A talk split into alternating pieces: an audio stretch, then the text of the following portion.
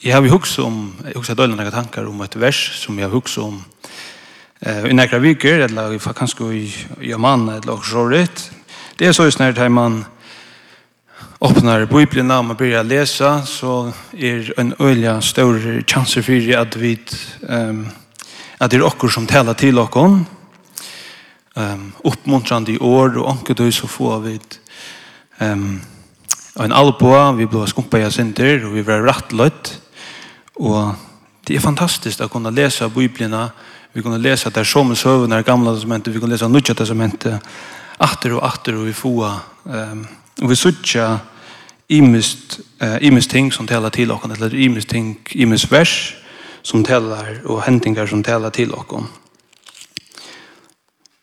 Det vittnar bara om hvordan rukt Guds år er, og hvordan viktigt det er, og at vi er i Guds år og läsa det, um, til at det er um, øyne, øyne av tingene som færer oss til at halde oss nær herren, som vi da lyser om. Verset som um, jeg har hukket som nok så lunge er i fyrre Samuels til at han at Saul hever ikke akta på herrens, så stender i et vers i fyrre Samuels bøk kapittel 16, vers 14. Her stender at Etter at andi herrans var vidjen fra Saul plavaist han av ytlun anda fra herran. Etter at andi herrans var vidjen fra Saul. Hvis du kjenner søvn at vi, hvis nekka kan færa fra øynene, så er det nekka som um, nekka som han er finnje. God kattla i salva i Jokon Samuel Saul til å være kong og Um, Saul var Saulaver, og anti-herrans kom i han. Vi leser så hvordan vel Saul byrjar sina tjeneste som konger, um, og han vil lese at han var lytel i egnon eion. Og han tante i herran hon. Um, men så leser vi om at Saul blir større i egnon eion, og at han um, ikke aktar år herrans langer. I vers 15 Her sier i vers eh, 11 sier god at han engrei at han gjør det salt til kong. Hvor? Då han er vent seg fra mer og har ikke hilde på min. Og bøyene var um, olja øynfølt. Um, jeg skal straffa Amalek fyrir til, og han gjør det Israel, stender i vers 2, kapitel 15, at han får deg til veien da jeg kom ur Egyptalandet. Fær nu og vinn sier Amalek, Du skal slå av i bannet hår og alt i dør øya. Spær deg ikke, men drep begge menn og kvinner, bød, brøsta bød, neid, seier, kameler og esel. Rutta deg ut, sier god vi, vi Saul. Og han gjør det ikke. Saul og følte spart i Agag, og det beste smafanen og neitnen, det føyte kryaturene, de som var vel i holden, alt det beste. Alt det beste spart i han. Det ville du ikke slå av i bannet. Men alt det vanlige feie, det som ikke var verst, slå ut her ved bandet. Saul sparte det beste. Ah, jeg prøvde ikke at lusta 100% av gode. Det er olja ærligt, um, og vi kunne gjøre det ganske hukk som har egna liv. Vi tar med vel hava det beste. Men er det nu så er det som Guds år ikke vi skulle liva? Han sparte det beste, stendt at han offret det til Herren. Men hva sier Herren? I enkelt du gjør til kong. Samuel sier så i salmen, Herren, i vers 22 kapel 15 stadvek, man Herren letja lyka mykje i brennjoffer og slateroffer som i luttne for i år i Herrens. Nei, luttne i morverst enn slateroffer og har lust etter i morverst enn vekkrafite. Nei, Du ikke vil akta til ganda synd, og at vi er sjålreien er at dyrke avgodar og husgodar. Atter fyrir at du hever vreka år herrans hever han vreka til du skal ikke være verande kong. Og så kommer vi atter til at her verset at han har noe vers etter at her, anti-herrans var vidjen fra Saul plavest han av utlandet. Gjør ikke det som Herren ville, og anti-herrens våg fra honom. Og det som er um, kanskje tragikomisk i seg sjøen er at, at Saul ikke hentet han avfri når vi stimulerer igjen. Og hvor kommer så at stimulerer han til jo han som god salver til den neste kongen, David, for å spille hørspe for Saul. Og det stender at um, at det latna ikke Saul da han får spille hørspe. Han var friere og en ytterlig andre våg fra han. Stendet leser oss ned at David fann nage for, for Eions hals. Og så sitter man og leser hese søvnene og hukser Ja, dette var en konger som var salva over til noe helt spesifikt. Det var konger Israels. Um, og dette her er vi som så ikke noe vi mot loiva gjøre som så Dette gamla testamentet i hette her er ikke noe vi Ehm hetta hetta kallar ju eller att det det ger snäga vi mun dakle där. Men så sen det lutne i møyde vestens lateroffer og lust efter, alltså lutne og lust efter. Det är inte vilja akta till ganda synd og være sjolvreien. Hette her er öll ting som bor i människan som bor i mer, som bor i der. Og vi kunne tidsi uteljande tømmer tjøkken alt gana som henti, og suttja sin nutja som henti hos Guds folk reka til som Herren sier. Sjolv ræje, um, og ikkje lusta. Det ligger så djupt ui okkon ikkje at vilja lusta. Ødlen for en som er. Men så ukost, så kjem det. Luttne fyrir året møyna. Og det som er ganske um, riande, eller det som er ganske godt, det vi leser hos oss, er det god er øyelig konsistenter. Det hunger ser man, han, han smått sier seg selv og ikke i kjøkken hos ord. Vi leser et vers i Efesos kapitel 5, nei, kapitel 4, vers 30. Her stender det. Gjer ikke høyla i anda god sorg, honom som tid er innsikla vid til endeløysinga deg. Gjer ikkje høyla i anda Guds sorg. Konkret er hetta nega vi, er hetta der som dynamikken som er galdande deg, anti-herrans fer fra Saul, og hettar at gjerra høyla i anda Guds sorg. Som tid er innsikla vi, skriva til det tryggvand. Tida finnes høyla i andan, tida du kom til tryggv Så senter, men gjør hun ikke sorg. Fram og undan her er noen vers her som Paulus ståsar om at lada liknene av og tala sannløyga vera ditt ill så sint jeg ikke let ikke solna sett i vrøye tikkara gjev ikke djevelen rom tan som stålig hever stjæl ikke langer Ongen av lyklig tala kommer tikkna munne.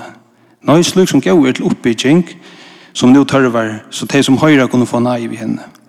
Så sier det gjør ikke høyde andre god sorg som tider innsikla vi til endre løsninger deg.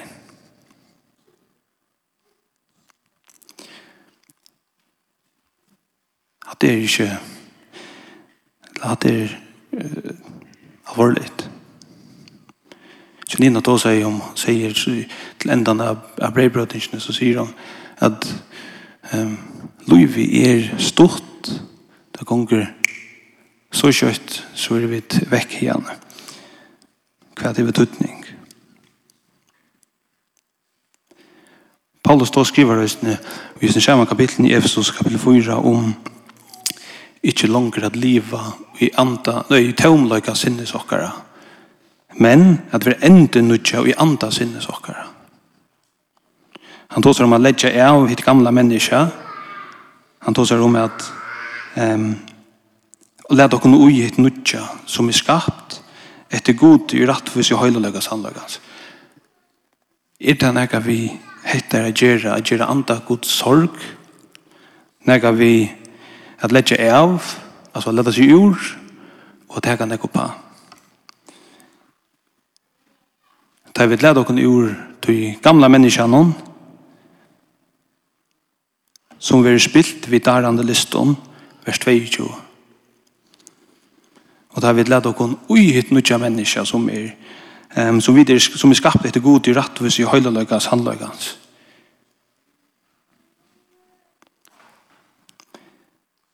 Liva vi ta um, som god innskjer, ja? Øysne tikkon, Efesos 2, kapitel 8, det er kjent vers. Øysne tikkon her han gjørst livande, tikkon som var deg, livande og deg, nutja menneska, gamla menneska, um, tomlöga sinnesokkara og at vi vil endre nutja vi anda sinnesokkara og han skriver til tryggvande God sier det som er utanfyrre lette deg jeg, jeg skal nok tega meg av tøymon som er utanfyrre men gjør tid ikke anda Guds sorg? Saul var avløyen god, han akta ikkje år herrans, og det er avløyengar. Og jeg vet at det er, um, vi, vi, vi damer ikke at høyre til at okkara gjerer heve avløyengar. Det vet vi at det hever. Det er negre karmar seg opp her i de aller fleste føren som vi genga i dagligdagen, og så er, så, så er vi innanfor et eller annet regelsett, et eller annet karmar, det er arbeid, skola, skola, eller hva, så er det nekker er dødt. Øtsle av rammen for at man kan trivas for å være her. Og det kan være øyelig nekker. Og halda vi dokken ikke innanfor det, til anna, til kjem anna på om, om vi er, hvis vi sier at et øyelig spesifikt arbeid, handlar vi ikke inn, innanfor det her rammene, så kan jeg ikke være at vi misarbeid. Det vil si at karmene ikke setter opp for at du skal misarbeid, men for at varvøyde det, for jeg vet du skal være innanfor det. God strukturerar heimen første Mosebøk, han gjør det godt til menneskene livet. Og vi tar Guds ord som forteller oss hvordan vi skal leve akkurat liv. Og det hever avløyngar hvis vi som tryggvande folk um, er i stor i egnon eion og ikke let oss ur let i ur til gamla menneskene eller hvis vi lever i tomløyga sinnes okkara det hever avlenger hvis det ikke leder dere hit nødja menneska um, og så løyes vera gau vi kan annan vera muskon som det er vers 32 samme kapittel Efsos 4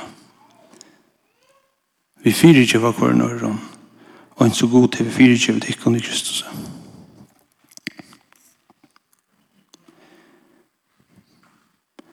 og en så god til vi fyrir ikke vi tikkon om, Kristus og Um,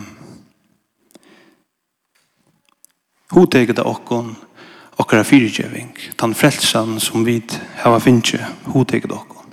Og er det ikke lidkjelen til at leta seg ui, den utja menneska, det er vera hotegjen av Det er vera hotegjen av hver videre sett, videre gjørt livandi ui Kristus. Og mer og mer vi skilja hattar, og mer kommer vi til at lete okkon ui av utja menneska, og minne og minne um, vera vid anda Guds til sorg.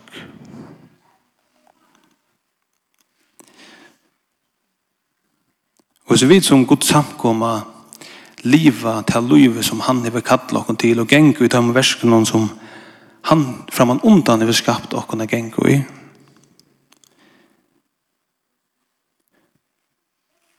Så skapet det av et liv som følgjene utanfor vilje hava. Og det er hatt av løyve som skaper løyve. At vi kommer sammen um, og en sånne det som hendte og minnes Herren Jesus og det som han har gjort. Og vi feknast i evangelien og vi, og vi sammen kunne tilby han og vi vil ha hodtidgen av hvor han er. Og det er på han, og han matan så vi har vært enda nødja og i andre sinnes okkara. Og vi som samkomma kunne være til ljøse som god til vi sett okkon at være. Vi er god samkom av vi leser det at det er ljøs i Jesu høyme. Sen at vi kunne kjøre dikter hans her.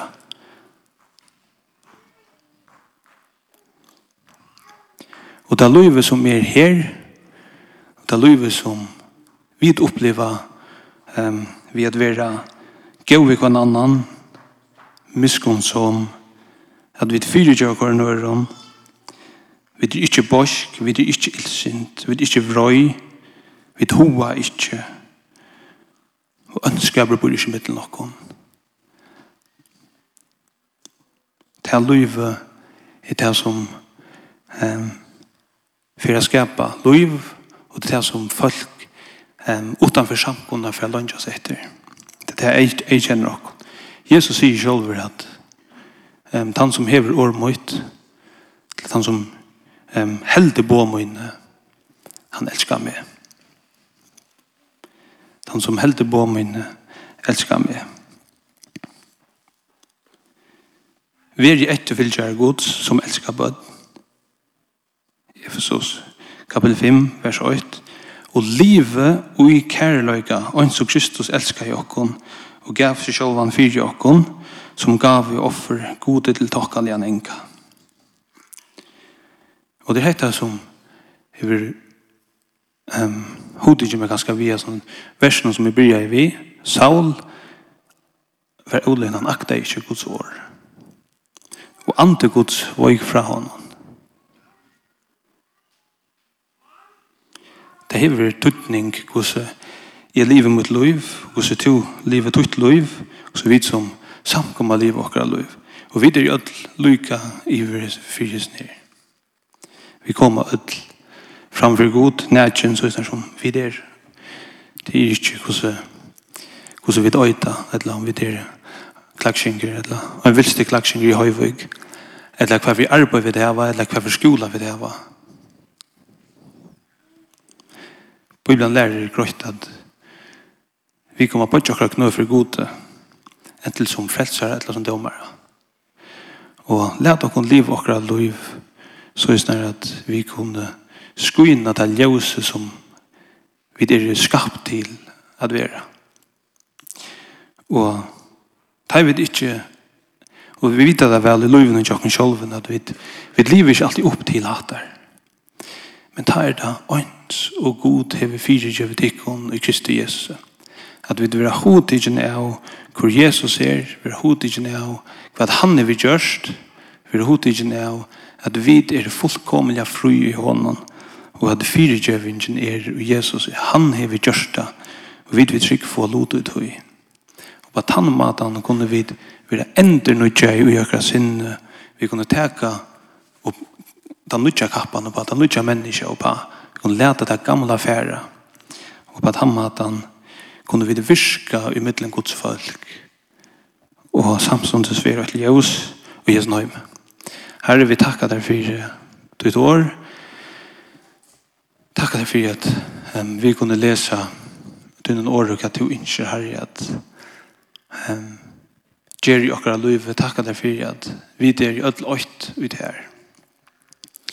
Be om herre at du skal hjelpe oss att sudja til stora Jesus. Til Till til at att og et liv og til at täga den nya menneska av oss.